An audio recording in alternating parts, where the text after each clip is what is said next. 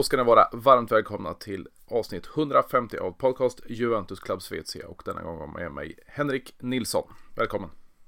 Tack så mycket! Och det blir ju andra återkomsten för jag kollar upp här, du har varit med i avsnitt 86 och 130 så nu är du faktiskt med i det 150 avsnittet. Ja, en liten ära nästan värt att fira. ja, precis. Det, det är lite jubileum i podden sådär. Men, men eh, vi kanske hade haft ett roligare resultat från, eh, ja, det är nästan en vecka sedan nu. Absolut, helt klart. Men vad, vad, vad säger du efter, vad blev det? Åtta raka vinster och åtta raka nollor så åkte vi på pumpen rejält då i Neapel. Det blev hela 5-1 till slut. Vad, vad har du för känslor efter den här överkörningen. Eh, man är nere på jorden igen. Mm. Tycker jag. Efter att vaggats in lite grann i en falsk trygghet efter de åtta raka segrarna. Man var ju bedrövad i höstas efter Champions League-uttåget och sådär, men sen kom de unga killarna in och det blev ett lite mer optimistiskt spel. Och sen hoppas man på Kesa som har kommit tillbaka, man hoppas på Pogba som ska komma tillbaka. Men i den vevan så glömde åtminstone jag bort lite hur illa det har sett ut innan och hur illa det fortfarande kommer se ut så länge Allegri är vid rodret. Jag säger inte att allt är hans fel, men mycket beror på honom, tror jag. Ja, jag tycker det är ganska spännande också med ja, olika eh, gäster då från som, som är följare av sidan. För, för det, är, det är inte många som försvarar han, men mitt senaste samtal då hade jag ju en, en gäst då som försvarar Allegri i, i vått och torrt mer eller mindre, men du är av, av en annan åsikt. Ja, eh, jag vill inte påstå att hela Juventus problem är Allegris. Det syns ju med de två tidigare tränarna också. Sarri och Pirlo. Det har gått illa länge, men han har ju inte lyckats förbättra det trots att han har haft ett och ett halvt år på sig och två sommarfönster. Även om man kanske försvaret har blivit lite bättre sett i de här åtta matcherna som blev utan insläppt mål. Men det är liksom en marginell förbättring defensivt och den går nästan ut över allt annat spel.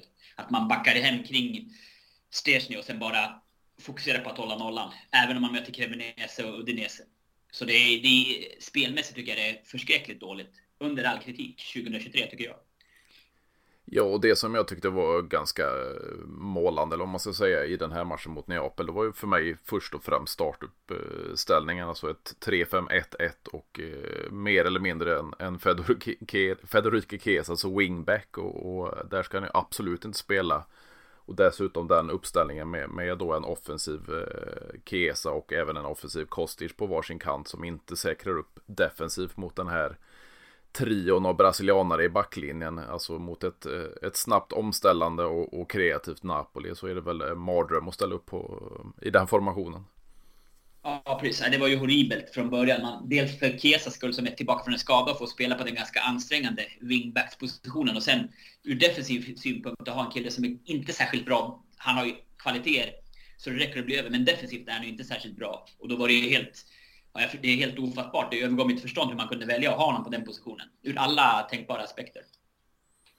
Nej, för det känns ju ändå så här om man vill ha då en Kesa in Om man även vill ha en, en ja, det blir ju Milik nu när Vlahovic inte är tillbaka och så en De Maria där bakom. Då får det väl bli om man vill ha en trebackslinje så får det bli mer likt ett 3-4-3 i så fall om man vill ha Kesa, Di Maria och en, en Milik nu och en, en Vlahovic senare upp i anfallet. Men ett 3-5-1-1 eller 3-5-2 det med, med Kesa ute på en kant, det, det, nej, det fungerar inte alls.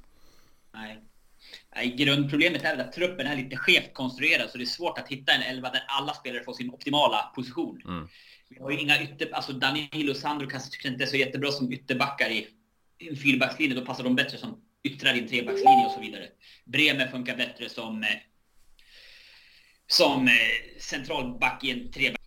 Kostic är ingen offensiv ytter, han är mer wingback och så där vidare. Men å andra sidan är Kesa wingback, så hur man än vrider på det har man vissa fel att konstruera laget. Där, alltså vi har ju ändå åtta raka nollor och åtta raka vinster, men spelmässigt ser det ju inte alls bra ut och att man tar de här kanske speciellt mot, eh, mot uh, Udinese och Cremonese, de här sena vinsterna med, ja, det är ju uppe i 80 någonting minuten i båda matcherna och, och avgör på det sättet. Det, det, är ju det är väl kanske en styrka i sig att man, man tar uh, tre poängare även fast man spelar skit. Men, men, jag menar, vi är Juventus, det ska inte se ut som mot, mot uh, sådana lag. Nej, precis. Det, man ska inte vara annars i bollinnehav, så man ska ju kunna dominera en sån matchbild man kan säga att Juventus lag inte är det starkaste som man har haft långt ifrån. Men det innebär inte att man ska kunna spela så oerhört som man har gjort Man ska kunna ta spelet bättre. Man ska inte spela med, den långsamma, med det långsamma tempo man har. Det vet vi ju inte. Alltså, nu får vi väl troligtvis då åtminstone på bänken se både Dusan Vlahovic och Paul Bogba på, mot eh, Atalanta i helgen. Eh, sen hur mycket de får spela eller hur mycket de kan spela det återstår att se. Men när vi får tillbaks eh, serben och, och mittfältaren då som inte har, har, spelat en officiell match sedan återkomsten. Tror du att det, det, kan rätta till en del eller krävs det mer ett, ett tränarskifte? Ja, det kan nog rätta till för stunden så att vi räddar en... Ja, man ser ju att de andra lagen är ganska svaga så man kan nog klara av en andra plats eller tredje plats eller fjärde plats utan problem. Men det beror mer på att konkurrensen är undantag. Och det är klart att kan man ska i laget, det gör, så är det ju bara. Vi kan inte ha en tränare som kräver världsspelare på varenda position för att vi ska kunna leverera något sån här bra fotboll. Nej, för det, det känns ju... Så, det, känns... Ja, det känns ju fortfarande som Allegri har en, om vi bortser från alla skador och så vidare, att han, han får mixtra lite så här. Men ändå när han har många spelare på plats så känns det ju fortfarande inte som han har en satt startelva. Om vi bortser från, från tri, trion där bak då. Men, men han laborerar ganska friskt på, på mittfältet och, och eh, formationerna fram till. Så, så det känns ju fortfarande inte, inte lika som det var den första säsongen han kom tillbaks nu. För då var det extremt många olika formationer och, och eh, startelver. Men det känns ju fortfarande som man sätter en fast eh, startelva. Ja, precis. Nej, om man ser till hans försvar så, så är det ju eh, som, som jag sa tidigare en väldigt skev truppkonstruktion. Och sen nummer två har man ju en ganska lite taskig attityd som aldrig har funnits förut. Förut fanns det ju alltid en Vidal, en det fanns alltid spelare med grinta som förde lagets talan så att säga. Nu mm. finns inte den mentaliteten. Och det är ju inte så lätt för en tränare att komma in och bygga upp den. Och sen talar också skadorna till hans försvar. Men jag kan ändå inte säga att det är ett hållbart försvar för honom. Han, är, han har gjort ett för dåligt jobb helt enkelt. Med den rutin han har. Och en tränare som kommer till en klubb som inte fungerar riktigt. Det är hans jobb och ansvar att få det som inte fungerar att fungera. Och han har inte gjort det på ett och ett halvt år. Och jag kan inte se att han ska göra det. När han inte har gjort det på den här långa tiden kan jag inte se att han ska göra det framöver heller. Vad, vad, känner du då om vi, vi hoppar lite längre fram eh, efter säsongen? För det känns ju inte som Allegri kommer få sparken under säsongen åtminstone. Nu läste jag faktiskt för en, eh, några minuter sedan då. Det var väl L'Equipe, eh, den franska tidningen, som skrev det att Juventus är fortfarande Zinedine Zidans ja, första kandidat om man ska ta över en klubb. Och, och är det mannen som ska ta över oss? Eller tror du att Allegri kommer sitta säkert nästa säsong? Jag sitt, brukar fundera hur det egentligen fungerar i klubben, alltså i, in, i den innersta kretsen, i, där inte vi fans kommer åt. För det, spelet hackar ofta betänkligt. Vi åkte ut Champions League med dunder och brak. Spelet, som sagt, hackar. Det är många, den ena bedrövliga insatsen efter den andra. Spelarna hänger med huvudena. Jag undrar hur egentligen alla agerar runt klubben. Är det det här de vill ha? Handlar det bara om, eftersom vi har fått enstaka resultat, är det det enda som spelar någon roll? Det måste finnas någon form av krav på kvalitet. Så jag undrar om om det är möjligt om den här kräftgången fortsätter. Kräftgången som till att vi inte får igång spelet. Man kan inte tala om en kräftgång när vi ligger 2-3, men att det ser så dåligt ut med det material vi har. Då undrar jag om, om det inte blir en mirakulös vändning nu i, i vår efter den här matchen och vi börjar spela bra och leverera så tror jag att han, han ryker. Även om vi klarar en av de fyra Champions League-platserna. Jag kan inte se, i en sund klubb kan inte det ske. Nej, för det känns ju ändå om man, om man läser mellan raderna så att säga. Vi fick ju faktiskt se igår då att eh, det var det sista talet från, från Andrea Gelli som Juventus-president och Pavel Nedved då som, som vicepresident och in kommer då Gianluca Ferrero som, som president och eh, Mauricio Scanavino som vd och de, de har ju talat om det och sen så har det ju kommit uppgifter, tror det var Gazzetta dello Sport som eh, skrev det att Juventus med den här nya ledningen ska satsa på, på unga spelare och, och eh, ja, en hållbar trupp och då, då är det ju lägre löner och inte göra de här svindyra värvningarna. Och när man nämner just unga spelare då är det ju inte direkt Max Allegri man tänker på för att låta de här spela utan det är lite att han har tvingats till under de här eh, skadorna då på, på nyckelspelare. Men det är väl ändå ett tecken på att man inte vill fortsätta med Allegri om man vill satsa på ett sådant projekt det går ju lite stick i stäv med Allegris filosofi att satsa på unga killar. Han vill ju ha färdiga, äldre, rutinerade killar. Så att det, det, går inte, det får inte mig att tro att han kommer fortsätta efter den här säsongen.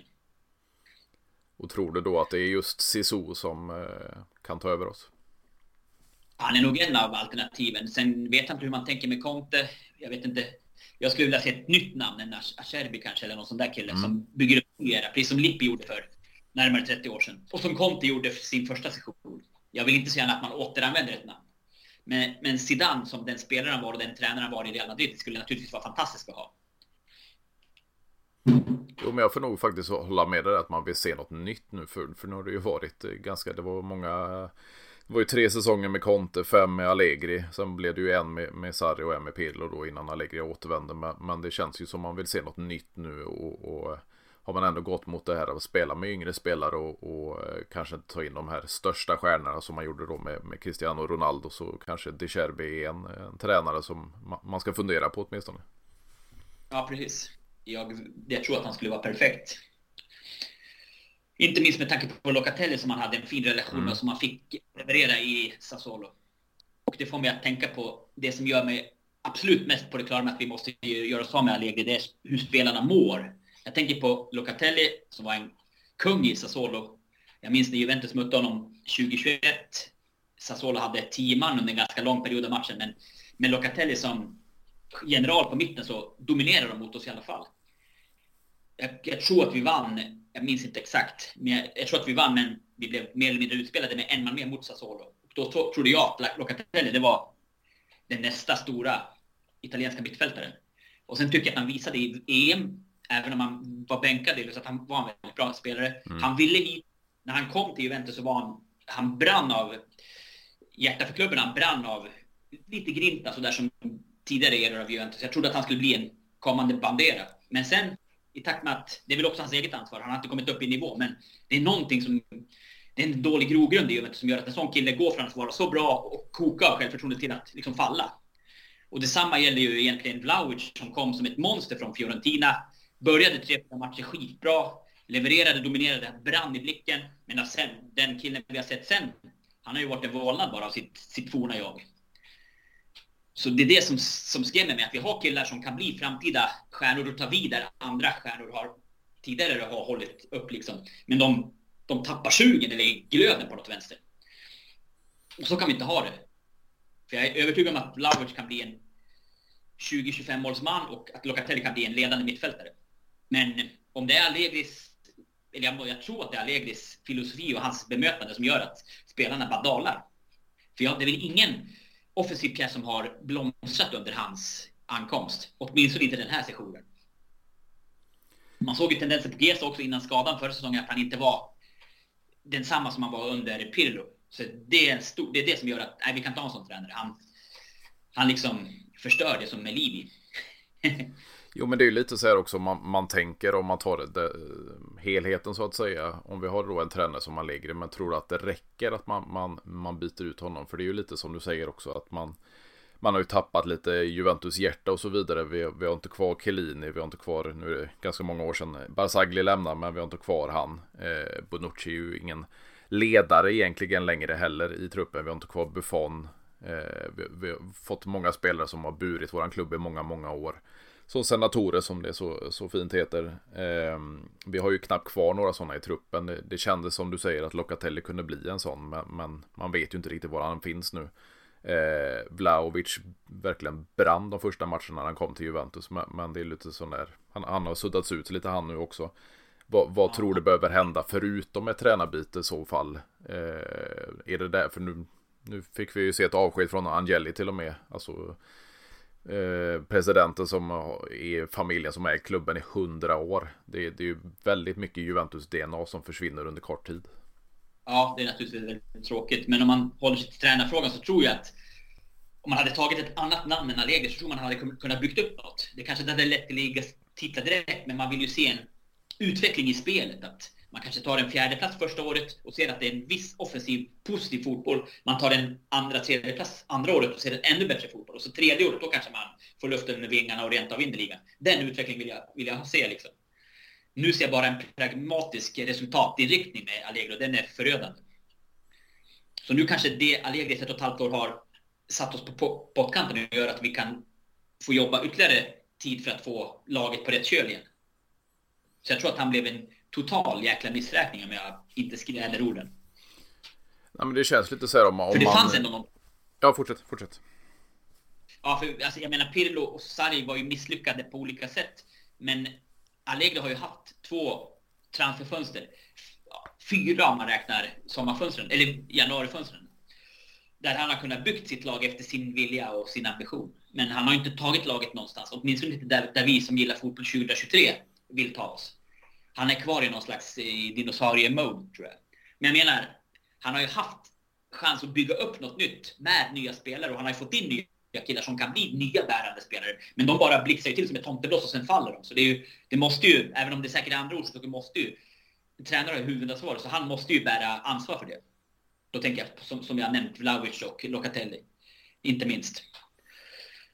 Jag såg att Daniel, ja, Daniel Storlid, som du har haft med några gånger, Mm. han nämnde också på forumet att han tyckte att Milik också hade samma tendens. Att han började väldigt bra och nu har han också dalat. Så det är ju någonting med de offensiva spelarna som inte går hem i Allegris filosofi.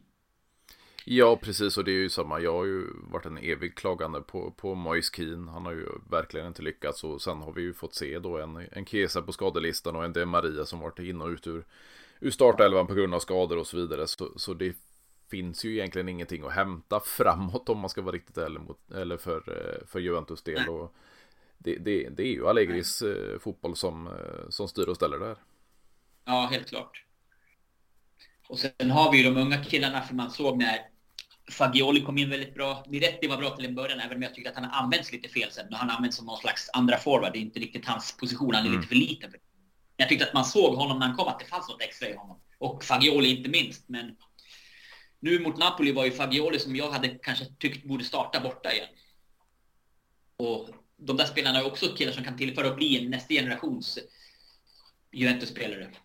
Som tar vidare DNA som Vidal och Deschamps, Davids, ja vi kan nämna en hel, en, liksom en hel trupp spelare från tidigare generationer. Men Allegri förvaltar inte de nya så det kommer ju aldrig bli med honom. Nej, och det känns ju också så här om man går tillbaks de här, om vi tar de fem säsongerna som Allegri ledde våran klubb efter Antonio Conte då, så det var ju verkligen att han, han, han ärvde Contes 3-5-2 och Allegri körde ju faktiskt på den eh, formationen i början innan han började laborera med, med, med sitt 4-3-2-1 och så vidare. Eh, eller t- 3-2, eh, 3-1-2 och så vidare. Men, men eh, han, han vad ska man säga, han förde vidare, han fick ju en Buffon, han fick en Basagli, Bonucci, Chiellini där bak, han fick en eh, Pirlo, han fick en Pogba, han fick en eh, Marquisio eh, och, och, och eh, många bra spelare där på mitten och även fram till och med, med bland annat Carlos Tevez och, och även en Morata som faktiskt var bra på den tiden. Eh, så han fick ju mycket gratis där också. Han hade, ja, i viss mån kan man tacka Conte för Allegris framgångar, men det ska också sägas att det var en helt annan kille på den tiden. Han var mästare att läsa av taktiskt motståndarna. Det såg man i Champions League. Kvart och semi, det var väl mot Real Madrid och alla möjliga lag vi mötte på den tiden. Vi tog väl Barcelona 17 och Real Madrid eh, 15 och det var ju två fantastiska prestationer. Och där visade han sin väldiga styrka. Men den Allegri som har kommit tillbaks nu är ju in, bara en skugga av den killen. Det beror väl lite grann på att han inte har Buffon, Chiellini, Bonucci i sin prime och sådär. Men det är också att han har tappat någonting. För nu ser vi inte alls det. Okej, han var, gjorde bra matchen mot Inter och Lazio i ligan, men i övrigt ser man inte röken av hans eh, framgångsrika sätt att läsa av motståndare och så. Och hans sätt att anpassa och så. Jag ser bara, nej det är bara en tråkig kalkylerande efter resultat. ja, Där och, vi kryper i knät på, på Chesney mot sämre lag där vi verkar träna i så lågt tempo så att vi inte kan hantera en matchbild. Jag vet inte. Det, det Juventus som jag har sett nu under Allegri, det måste vara bland det värsta tränings... Ja, bland det värsta upplag jag har sett. Och då menar jag Allegris insats. Det är så fruktansvärt dåligt om man säger att man vill ha fotboll som är positiv, som är kreativ, som är konstruktiv. Den är så jäkla... Den är, ja, den är förödande tycker jag. Den tar koll på mig om jag är, pratar passionerat. Jo, men det blir ju lätt så. Alltså, vi, vi, sen är vi ju väldigt, väldigt bortskämda med framgång i Juventus. Men, det, är ju, det har ju aldrig varit en sån här fruktansvärt... Ja, som sagt, vi ska inte klaga allt för mycket. Vi ligger på en tredje plats om vi ska vara riktigt ärliga. Men, men vi, vi vill ju se en roligare fotboll. Absolut. Resultatmässigt har det ju varit bra efter, ja, före VM och efter VM, innan Napoli. Men det är resultatmässigt. Spelmässigt var det ju bra mot Lazio och Inter och vi faktiskt gjorde bra mm. matcher. Och Absolut. Försvarade oss bra och kontrade bra. Men i övrigt har vi ju haft ganska mycket tur i matcherna mot Cremonese och Udinese. Det var ju mer en slump att vi kunde hålla nollan och en slump att någon av våra offensiva pjäser kunde kliva in och göra ett avgörande mål. Så det hade ju mycket väl kunnat blivit både en och flera förluster under de här, den här åtta matcher långa sviten av segrar. Så jag tycker inte den speglar bara stabiliteten. Speglas också av lite tur. Och den har absolut inte tagit oss dit jag skulle vilja. Och det, det tvättar inte bort den fruktansvärda insats vi gjorde i Champions League. Nej, definitivt inte. Och det, det, känns ju ändå som, som Allegri. Jag var ju minst en av de minst, eller mest kritiska under eh, början av hösten. Men, men sen så när vi fick resultaten med oss då blev jag lite lugnare. Precis som, som gästerna i podden. Men, men som vi varit inne på flera gånger nu, det är, det är ju spelmässigt som vi inte, vi vill se något mer, vi vill se något mer kreativt. det behöver inte vara, vad ska man kalla det, flärfull fotboll, men, men, det måste ju vara roligt. Det är ju så fruktansvärt destruktiv fotboll som eh, Allegri håller på med och, och eh, där, alltså när det ble, blev 3-1 till Napoli, jag var på väg att stänga av redan där för, för man, man såg vart det barkade av. Sen är det ju svårt att gradera vad som är bra eller rolig fotboll. Det finns ju Milan i början på 90-talet, Juventus i mitten på 90-talet som var defensivt starka, fruktansvärt bra lag. Sen har vi Barcelona med sitt tiki-tack, eller det där, med deras spel under Pep och Barcelona under Cruyff. Det finns ju många olika mm. sätt att spela, men som är bra. Men Juventus sätt att spela nu, den är ju inte... Det går inte att gradera den som rolig eller tråkig. Den är ju dålig helt enkelt. Ur fotbollssynpunkt. Mm. Det kan inte finnas en fotbollsälskare som gillar den sättet av fotboll. Och då menar jag oavsett om man spelar defensivt eller offensivt. Det här är ju så destruktivt. Och vad, vad, vad, känner du då framöver om vi tar, det är väl lite, lite dumt att snacka om, om Monza i Coppa Italia ikväll för det är ganska kort kvar med tid. Men, men om vi tar eh, Atalanta i helgen, vad, vad, hur tror du det kommer se ut framöver när vi ändå har Allegri vid rodret? Ja, det kommer väl se ut så. I bästa fall ser det väl ut som mot Inter och Lazio. Du gjorde skapliga matcher och och hade ett habilt försvar och där våra offensiva spetsar kunde rädda vårt anseende. I värsta fall har väl den här Napoli-förlusten naggat självförtroendet så det blir en tung match i, mot Atalanta på söndag. Men jag hoppas för Juventus skull, inte för Allegris skull, att eh, klubben tar sig samman och eh, i alla fall tar sina poäng och är med där och slåss om en fjärde, ja, en Champions League-plats. Ja, för det är ju extremt tajt. Alltså, jag snackade upp inför eh, Napoli-matchen. Alltså hade vi vunnit då hade det varit fyra poäng. Förlorar vi som vi gjorde ja. nu så är det tio poängs skillnad. Eh, sedan är det ju extremt tajt. Alltså Milan på 38, vi på 37 precis som Inter. Och sen har du Lazio, Atalanta, Roma på 34. Så det är, de är tajta. Eller från, från andra platsen ner till sjunde platsen är extremt tajt. Precis. Ja, så jag hoppas att man tar sig samman så att man i alla fall inte hamnar i en ond cirkel nu, för då kan det bli fruktansvärt och då kan vi kanske tappa den fjärde platsen ganska snabbt om vi skulle få ett dåligt resultat på Atalanta och sen ta vidare det. Ja, för det är ju ändå en av konkurrenterna till de platserna också är just Atalanta, så det hade varit extremt viktigt med tre mer där och sen så ser det ju inte jättebra ut för, för kanske vår största konkurrent bakom Napoli, Milan, för de, eh, ja, de går väldigt upp och ner. Precis. Ja, det som räddar oss lite, eller har räddat oss hittills, det är väl att övriga konkurrenter som jag sa inledningsvis, undantaget Napoli, är svaga i år. Det gör väl att vi har räddat oss. Eller det har väl gjort att vi har räddat fjärdeplatsen de sista åren, även under Pirlo och sådär förra året. Ja, och dessutom om vi ser den här kommande omgången då så har ju faktiskt Milan Lazio på bortaplan så det är ju inte den, den lättaste matchen de har heller så det är Ja, det är välbehövliga poäng vi kan dra in där om, om Milan dessutom åker på en förlust. Precis. Så man får hoppas på det. Ja, precis. Och, och, jag tänker också, det är ju ändå ett 150 avsnitt och vi fick ju då se en, en eh, André Angeli eh, steppa av presidentposten igår efter nästan 13 år vid eh, rodret. Vad, vad är dina största minnen av eh, André Angeli som Juventus president? Ja, det var väl när, när vi kom tillbaka till att bli en slagkraftig lag på Europahimlen igen från att ha varit ner på dekis. Så det är ju, kommer jag ju minnas honom för. Men tyvärr, sista åren handlar ju så väldigt mycket om business. Vi gick från en idrottsklubb till att bli en businessklubb och det stör mig lite. Det solkar lite hans minnen, tycker jag. Det här med superliga och sådär. allt sånt där han har hållit på med sista åren har väl påverkat laget negativt också. Men man kan inte ta bort att han har gjort mycket gott i klubben också. Och så namnet Angeli kommer man ju sakna. Det är ju synonymt med Juventus. Ja, det blir, jag tycker det känns extremt konstigt. Alltså, just den, när vi firar 100 år av eh, ägande av Angeli-familjen dessutom så känns det ju ännu konstigare att han, han steppar av. Sen är det av förståeliga skäl och så vidare. Men just att man skulle vilja ha en Angeli-president på posten just nu. Precis. Ja, det skulle man vilja. Men vad, vad, tror du då om våra nya herrar då? Det är ju en Gianluca Ferrero och en Maurizio Scanavino då som har tagit över Roder plus tre medlemmar till då som är lite mer experter när det gäller ja, ekonomi och redovisning och, och så vidare. Vad, vad, tror du att de här kan göra för, för Juventus? Ja, det kan ju inte bli sämre än vad det varit sista tiden med allt det här som har kunnat lätt försatt oss i en ny utredning och sådär. Så jag hoppas att det blir bättre. Något annat vore fruktansvärt. Det som oroar lite är ju att det har ryktats om lite förlängningar på äldre spelare än Danilo bland annat. All respekt till Danilo, han är en väldigt bra spelare som jag gillar i det. En av få som man gillar. Men han är över 30, jag vill inte se någon längre förlängning med honom. Jag vill att man håller sig borta från de bitarna nu som man gjorde tidigare. Det, jag vill att man lär sig läxa av det. Möjligtvis att man förlänger ett år med en sån där kille. Men annars satsar dumt.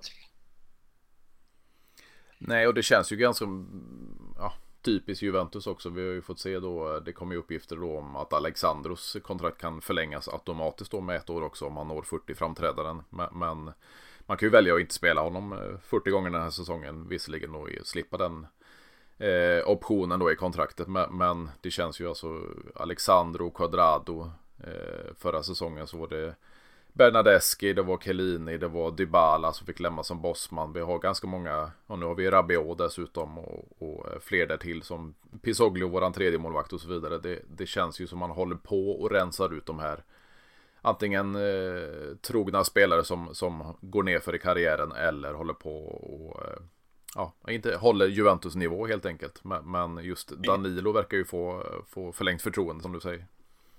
Och Danilo är ju den jag gillar bäst av de här killarna. Han, han visar ju det där grintan som man vill att fler ska visa. Men han är ju ändå 31 tror jag och han kommer inte bli yngre. Så jag vill att man håller sig ifrån sådana saker. Det ska vara yngre, yngre killar som är kvar. Och förlängs. Så inte liksom äldre killar tar deras plats och blir kvar på långa kontrakt så man aldrig blir av med dem. Eller sådär som vi har fått lida för nu åtskilliga gånger de sista tre, fyra åren.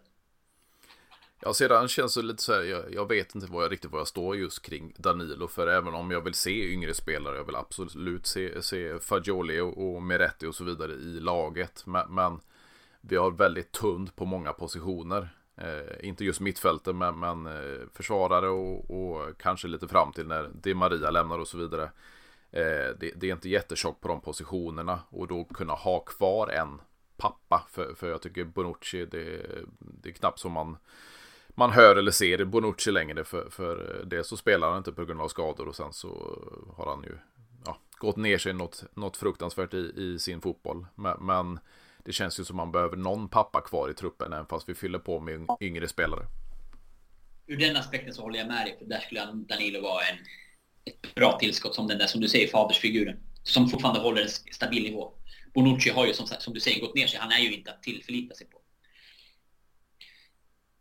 Och vad tänker du bak till där då? För då, då, det har ju diskuterat x antal gånger nu. Nu har vi en hel brasiliansk trio där bak och Alexandro håller inte måttet. Eh, Danilo har vi redan diskuterat. Nu gjorde ju Bremer en dålig insats mot Napoli, men, men det kan vi ju inte ja, eh, såga han för en dålig prestation. Men där bakom där har vi bara en, en Bonucci som vi nämnde. Vi har en Gatti då som, som det ryktades senast igår att eh, Allegri inte tycker håller så att han kan lånas ut. Och sen har vi bara en Rugani kvar i mittbackspositionen. Vad, vad, ja, vad tror vi... du vi behöver göra? Ja, vi behöver plocka in någon. Kanske någon rutinerad. Ja, Danilo finns kanske som ett, om man tänker sig Danilo som en mittback, som en backup-plan, så kan ju han finnas där. Sen behöver man väl plocka in en bra mittback. Utifrån. Gärna en ganska ung, mellan 22 och 25 där någonstans. För att Rogani håller ju absolut inte måttet. Och, och Gatti, det är lite vackert med tanken med en kille som kommer sådär som en liten saga underifrån och har slagit igenom. Men han är ju helt oprövad på hög nivå. Så. Och han har inte rosat marknaden i mina ögon när jag sett honom. Sen har han inte fått chansen så att man kan säga att han fullödigt har misslyckats. Men jag är tveksam till om han är en kille som Han kanske skulle kunna vara den som Rogani är nu, alltså en tredje man. Mm. Jag tror inte att han kan gå in som en ordinarie mittback. Jag betvivlar att han håller måttet för det. Så det skulle behöva hittas någon utifrån. Och sedan är det så är det ju fortfarande extremt tunt på. Det har ju varit i många, många säsonger nu om vi tar ytterbackspositionerna. För om vi sitter då med en Quadrado som egentligen inte är högerback, men, han har ju fått spela som det och han sitter på utgående kontrakt. Där bakom har vi en Mattia De Chilio.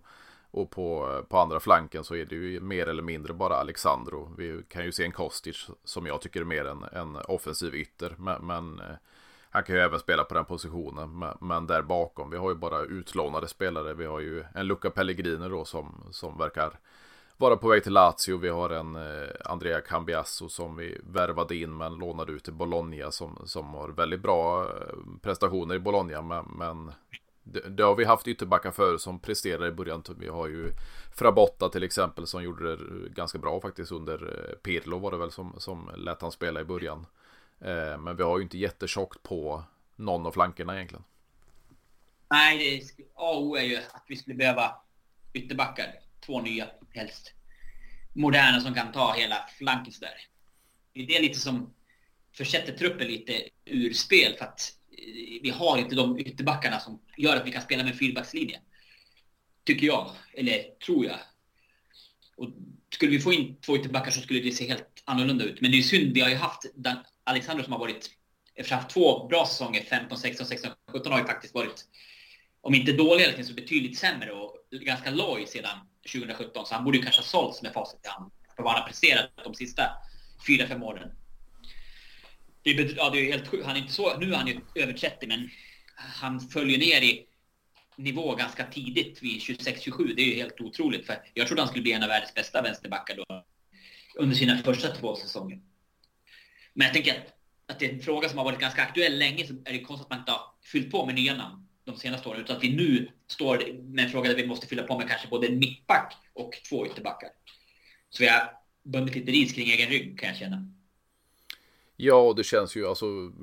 Det ploppar ju upp namn här och där nu för januari så är det ju framförallt kanske pratat om, om Rick Karstorp då i, i Roma. Eh, men även Joakim Mähle i Atalanta och så vidare. Det hetaste namnet kanske är Ivan Fresneda då i Real Valladolid. Men, men jag tror det blir väl mer en, en sommarvärvning i så fall. Och vi har ju ganska stor konkurrens kring, kring den 19-åringen där också. Men, men det är ju bara namn som kastas in. Det är ju ingen sån där som man, jag själv säger bara, men den där vill jag verkligen ha. Nej, precis. Vi får se vad som händer. Vi hoppas att de har någon S i, något S i rockärmen. Eller de måste ha det. Ja, precis. Och vad, vad, vad, tror du där om våran sportsliga, sportsliga ledning? Nu är, nu är det ju som sagt Scanavino då som är, som är vd, men vi har fortfarande en, en Cherubini som, som ska agera sportchef. Tror du att han, om Allegri får lämna, tror du även Cherubini får lämna? Och vi, det talas ju om en, en eh, Christian Juntoli från Napoli eller en Fredrik Massara från Milan och så vidare. Tror du att eh, Cherubini får, får eh, lämna posten ganska tidigt eller tror du att han, trots om, om Allegri lämnar, får fortsatt förtroende? det kanske blir så att om Allegri får lämna så får han också gå. Jag hoppas att vi har en ledning nu som ser framåt och som inte är nöjda med det här, även om vi resultatmässigt har gjort det hyggligt. Så man inte stirrar sig blinda på en massa sådana saker. Man ser det som sker på planen, att det verkligen inte är bra. Att man ser hur Locatelli mår, hur Vlahovic mår och det spel som nio av tio gånger är bedrövligt. Så att man tänker att det här är inget Juve vi vill ha. För vi fans, 95 procent av oss vill inte ha det. Och det måste gälla dem också. Att vi på något vis bygger tillbaks det som var vårt DNA tidigare med med kämpaglöd, stabilt försvarsspel, fast det är lite mer 2023 års tappning. Det här vi ser nu, det är ju ingenting av det. Det är bara någon slags, man försöker skylla över det någonting. Ja, det känns ju som, som jag varit inne på i många avsnitt tidigare att vi, vi kommer ju absolut inte gå den långa vägen som, som Milan fick göra då. Nu var det ju visserligen efter en stor försäljning av, av Berlusconi och likt, eller inte då med, med Moratti, men, men vad var det, tio år utan Champions League för, för Milan. Och vi har ju inte missat det hittills då under den här eh, eran. Men, men nio raka ligavinster blev ju fyra, eller två raka fjärdeplaceringar. Vad, vad, hur lång tid tror du det tar för oss att, att ta oss tillbaka till, till den allra största toppen och, och ta de här ligatitlarna i rad igen? Ja, det kanske blir svårt att ta nio, tio raka, nio raka ligatitlar, men att ta oss till en liga konkurrent, liga till konkurrent, det tycker jag borde gå ganska, eller inte enkelt, men det tror jag krävs ganska små medel för att ta sig till. Men det är bara ett steg. För vi har ju ändå många guldklimpar i laget. Vi har Bremer som är var Serie bästa mittback förra året. Vi har Chiesa som är en, ja, som jag tycker Italiens nästa storstjärna, en, en Baggio eller Del Piero för framtiden, även om han inte är den spelartypen. Vi har Locatelli som har så mycket fotboll i sig och vi har de unga killarna i Fagiolo och Miretti och Rovela som är utlånad och så. Så det finns väldigt mycket fint i laget. Så jag tror att en tränare som är av annat skrot och korn än Allegri kan få, få det här laget att lyfta ganska fort. Kanske inte till ligatitel direkt med tanke på hur bra Napoli är nu. Men åtminstone till någonting som ser så oerhört mycket bättre ut än det vi ser nu. En andra plats och en, ett lag som avancerar i Champions League-gruppspel och spelar bra fotboll. Som får oss att tro igen. Som, där spelarna har glöd i blicken. Man känner fan, jag är stolt över det här laget som jag har på hela mitt liv. Sådär. Det, det vill jag tillbaka till. Och sen får det gärna ta några år innan vi är tillbaka där vi var kanske 2015 eller ännu mer 96-97 när vi var ett av Europas absolut bästa lag. Det var 5-6 år, men att ta oss tillbaka till italienska toppen, det krävs lite grann, men inte jättemycket. Det handlar om vilja och ambition och ett nytt tränartänk i mina ögon. Och vad tror du då om man tar, tar det här som det sägs då att den nya ledningen vill ha en, en, en hållbar trupp med, med lägre löner, inga supervärvningar och att man satsar på de yngre. Om vi tar ett mittfält då som jag har också talat om i de senaste avsnitten att vi har ganska, om vi har tunt på andra positioner så har vi extremt mycket på, på mittfältsposition. Eh, vi kommer troligtvis då bli av med, med Rabiot som bossman. Vi försöker sälja eh, Weston McKennie. Eh, men vi har fortfarande Artur, vi har fortfarande Zakaria ute på lån. Eh, möjligtvis att, att han spelar upp sig nu i Chelsea då och kanske blir utköpt. Men det tror jag inte kommer hända med Artur och då kommer han tillbaks. Eh, sedan sitter vi på på Locatelli som vi inte vill göra oss av med. Men sen är det ju en mängd yngre mittfältare. Om vi bortser från, från eh, Fagioli och Meretti och Rovella som du nämnde så har vi även en Filippo Ranocchia och vi har även en, en Hans eh, Nicolosu Caviglia eh, som dessutom har gjort det riktigt bra. Han bytte lån i Sydtirol till lån i, i Salentiana och gjorde mål, jag tror det var i debuten för, för sin nya klubb. Eh, Filippo Ranocchia kanske inte gjort den där extrema förändringen i, under sitt spel i, i Monza, men vi har ändå, det är ändå fem väldigt talangfulla mittfältare. Tror du att vi kommer satsa på de här fem eller tror du att vi kommer bygga upp ett lag med de här blandat med, med lite mer veteraner? Ja, jag skulle vilja att man satsar på de unga killarna, Fagioli med rätt inte minst, och sen kanske ha, ha kvar Locatelli och någon till av de andra killarna. Så jag tror att det kan bli en ganska bra mix av av unga, lite om man nu får betrakta Locatelli, han är i alla fall äldre än dem och lite mer erfaren. Jag tror att det kan bli väldigt bra. Om man hittar ytterbackar och en mittback så tror jag att man kan satsa på det unga blandat med Locatelli, Chiesa. Sådär. Så tror jag att det kan gå, vi kan gå en ganska ljus framtid till mötes.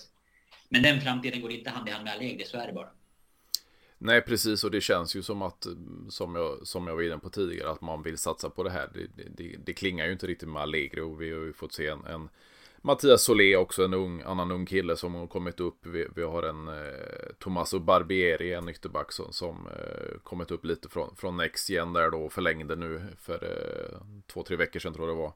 Eh, så vi har mycket unga spelare som kommer från, från Next Gen-laget, men även Primavera då. Vi har fått se en, en Kinan Gildis, turken i, i Paolo Monteros lag som, som eh, gjort, vad är det, tio mål och x antal assist i, i Primavera-laget och, och, ser riktigt fin ut, en, en offensiv mittfältare. Så, så det kommer mycket talanger underifrån, men det gäller ju att eh, förvalta dem också. Ja. För en sån som Solé, han kanske inte, folk säger att han inte riktigt är mogen, men han skulle nog, jag tror definitivt han skulle vara mogen att vara en, nu har han ju inte fått spela speciellt mycket, men skulle han få hoppa in emellanåt och starta emellanåt skulle han nog kunna vara ett bra tillskott redan nu och sen på sikt växte in som en, också en kommande superstjärna han är också lite från de egna leden efter att han kom så tidigt till oss.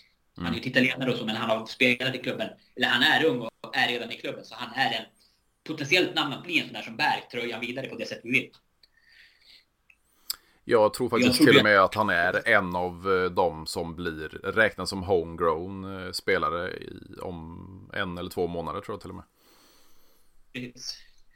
För det är bara att titta på de spelare som Real har satsat på med Winches och sådär. De unga killarna, Rodrigo, de är ju ålder och de har fått chansen att leverera till och med en Champions League-final. Så det går ju, om man har tränare som vågar, så går det att satsa på de här killarna. Och jag tror att våra killar är de den kalibern att de kan bli riktigt bra redan nu.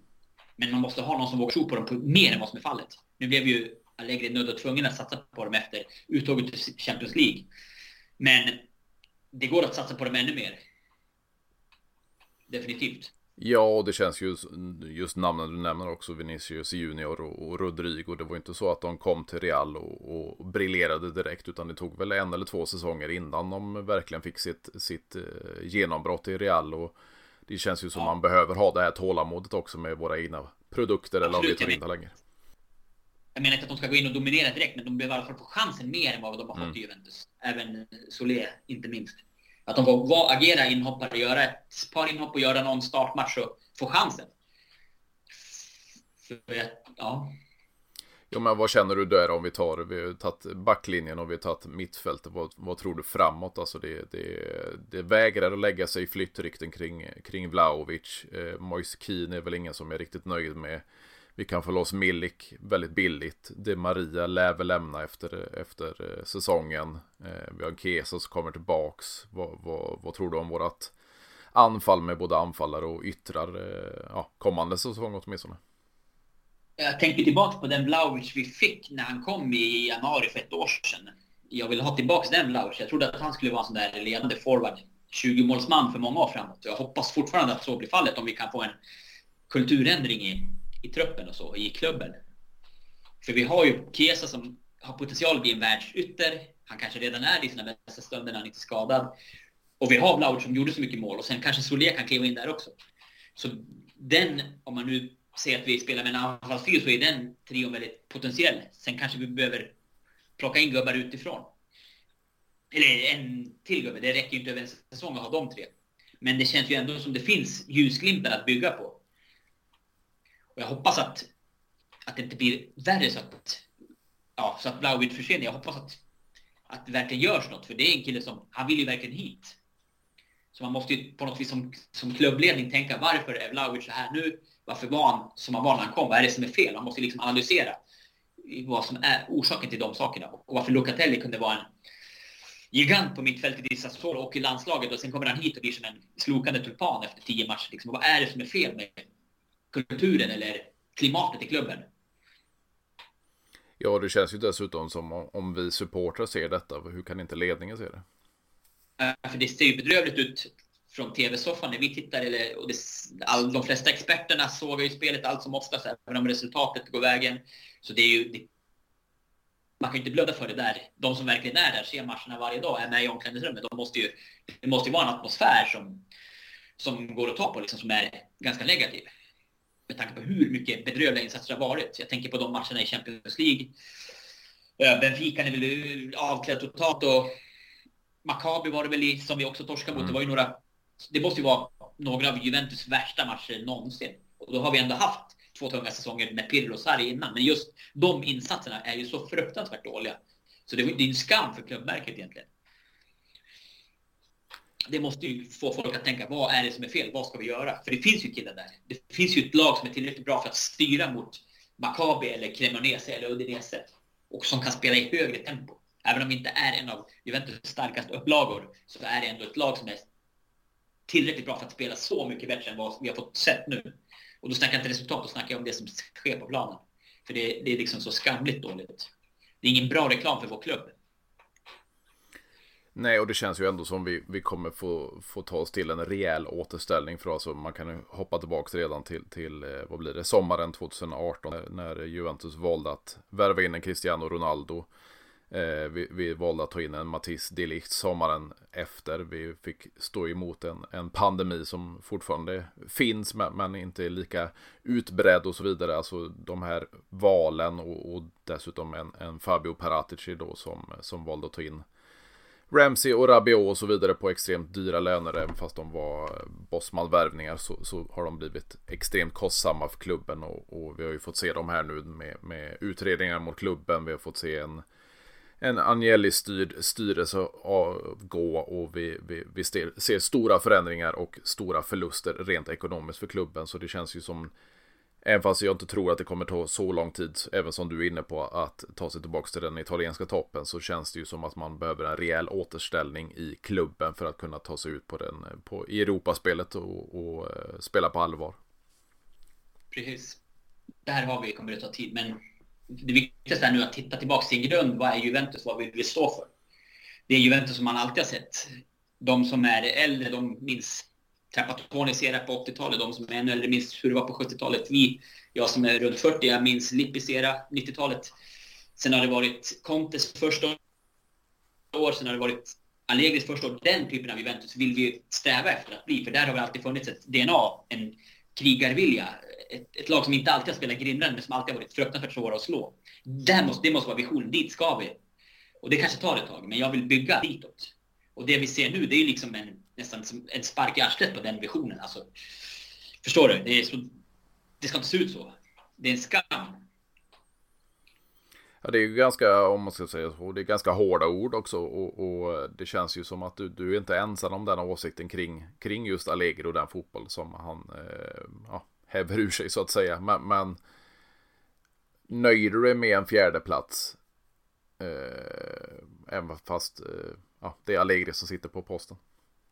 Om man ser tillbaka till augusti så tycker jag att man borde ha fått ut mer av det här laget än vad man har fått. Nu är skadorna en bidragande orsak och spelarna har också ett eget ansvar. Så jag skyller inte 100% på Allegri. Men en tränare med rätt tänk och modernt tänk borde ha tagit det här laget längre. Så att vi har avancerat från Champions League så att det kanske Okej, okay, Napoli är så pass bra som Napoli är Serie A's bästa lag. Dit hade vi inte nått ju, men jag ville, hade velat sätta en fotboll som är så mycket bättre än den vi ser. En fotboll som är liksom ett första steg mot någonting nytt. Det här är ju bara...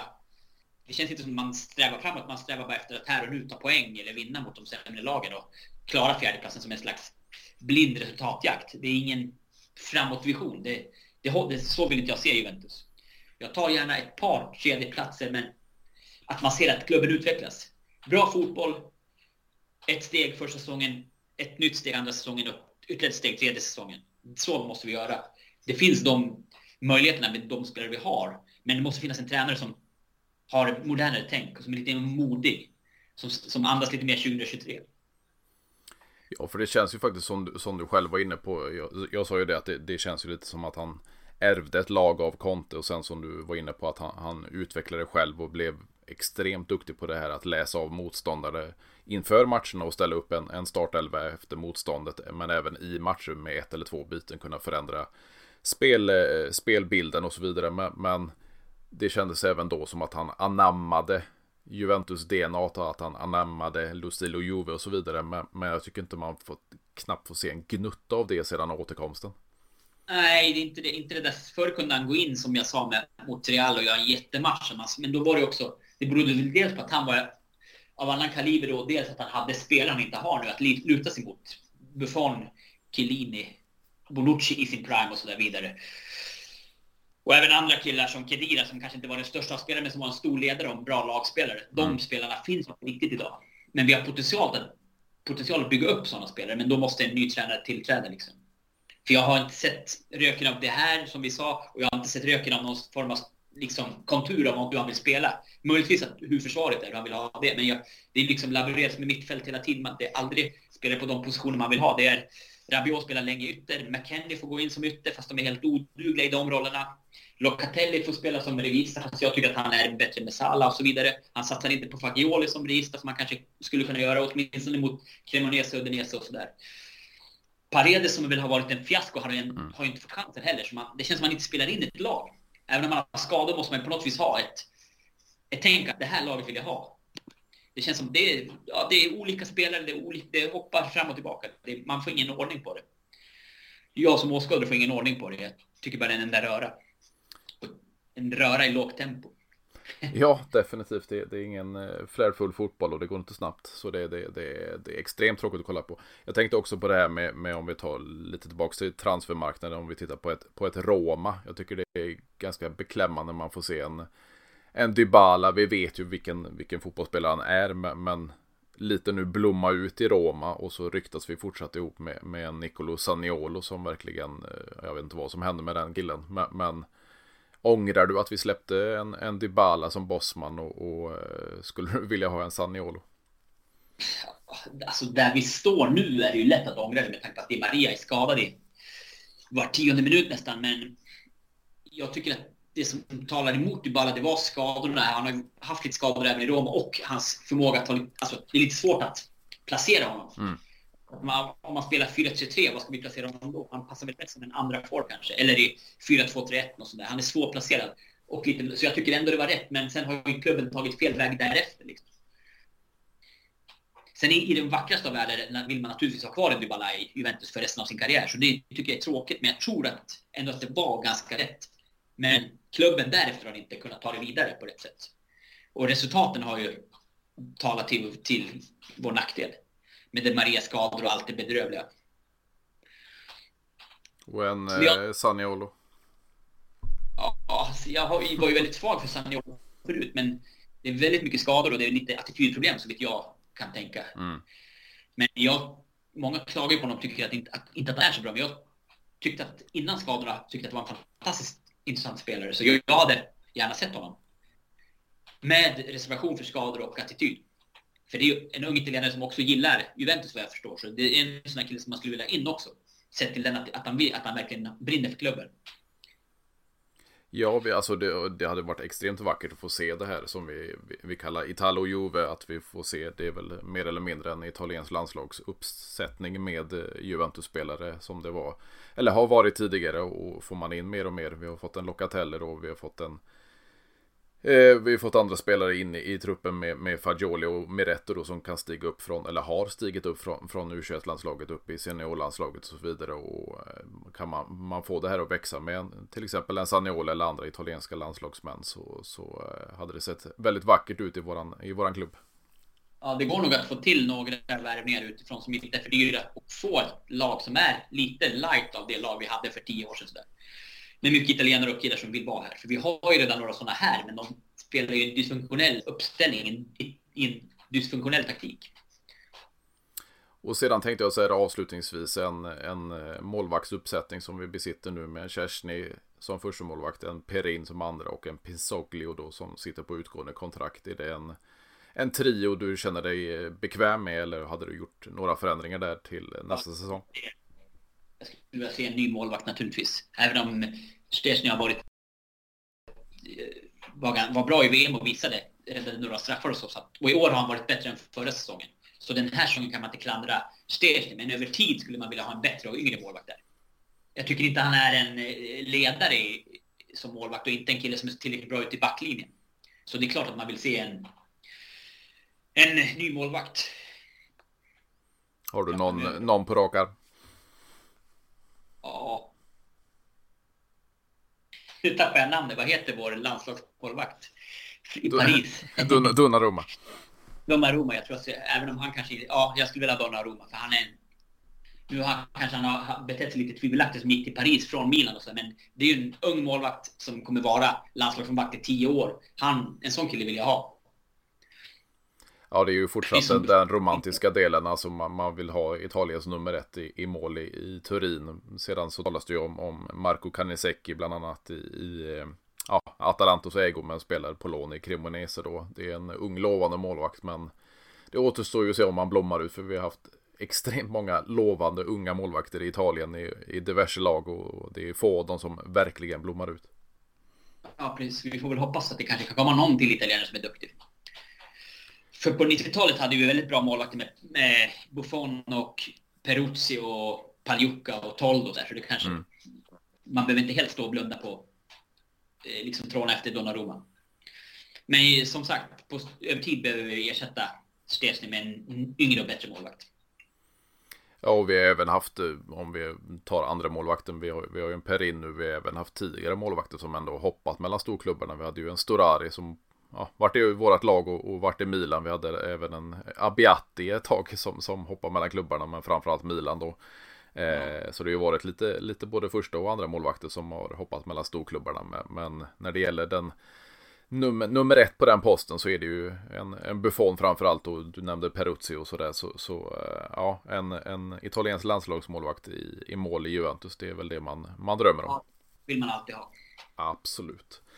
Men stort tack Henrik för att du ville vara med igen. Det blev eh, tredje, tredje avsnittet och, och 150. Det, det, det börjar eh, räknas upp här och som sagt stort tack för att du ville vara med. Ja, jag är ledsen att jag var så gnällig, men jag säger så här, jag tror på Juventus, men jag tror inte på Allegri.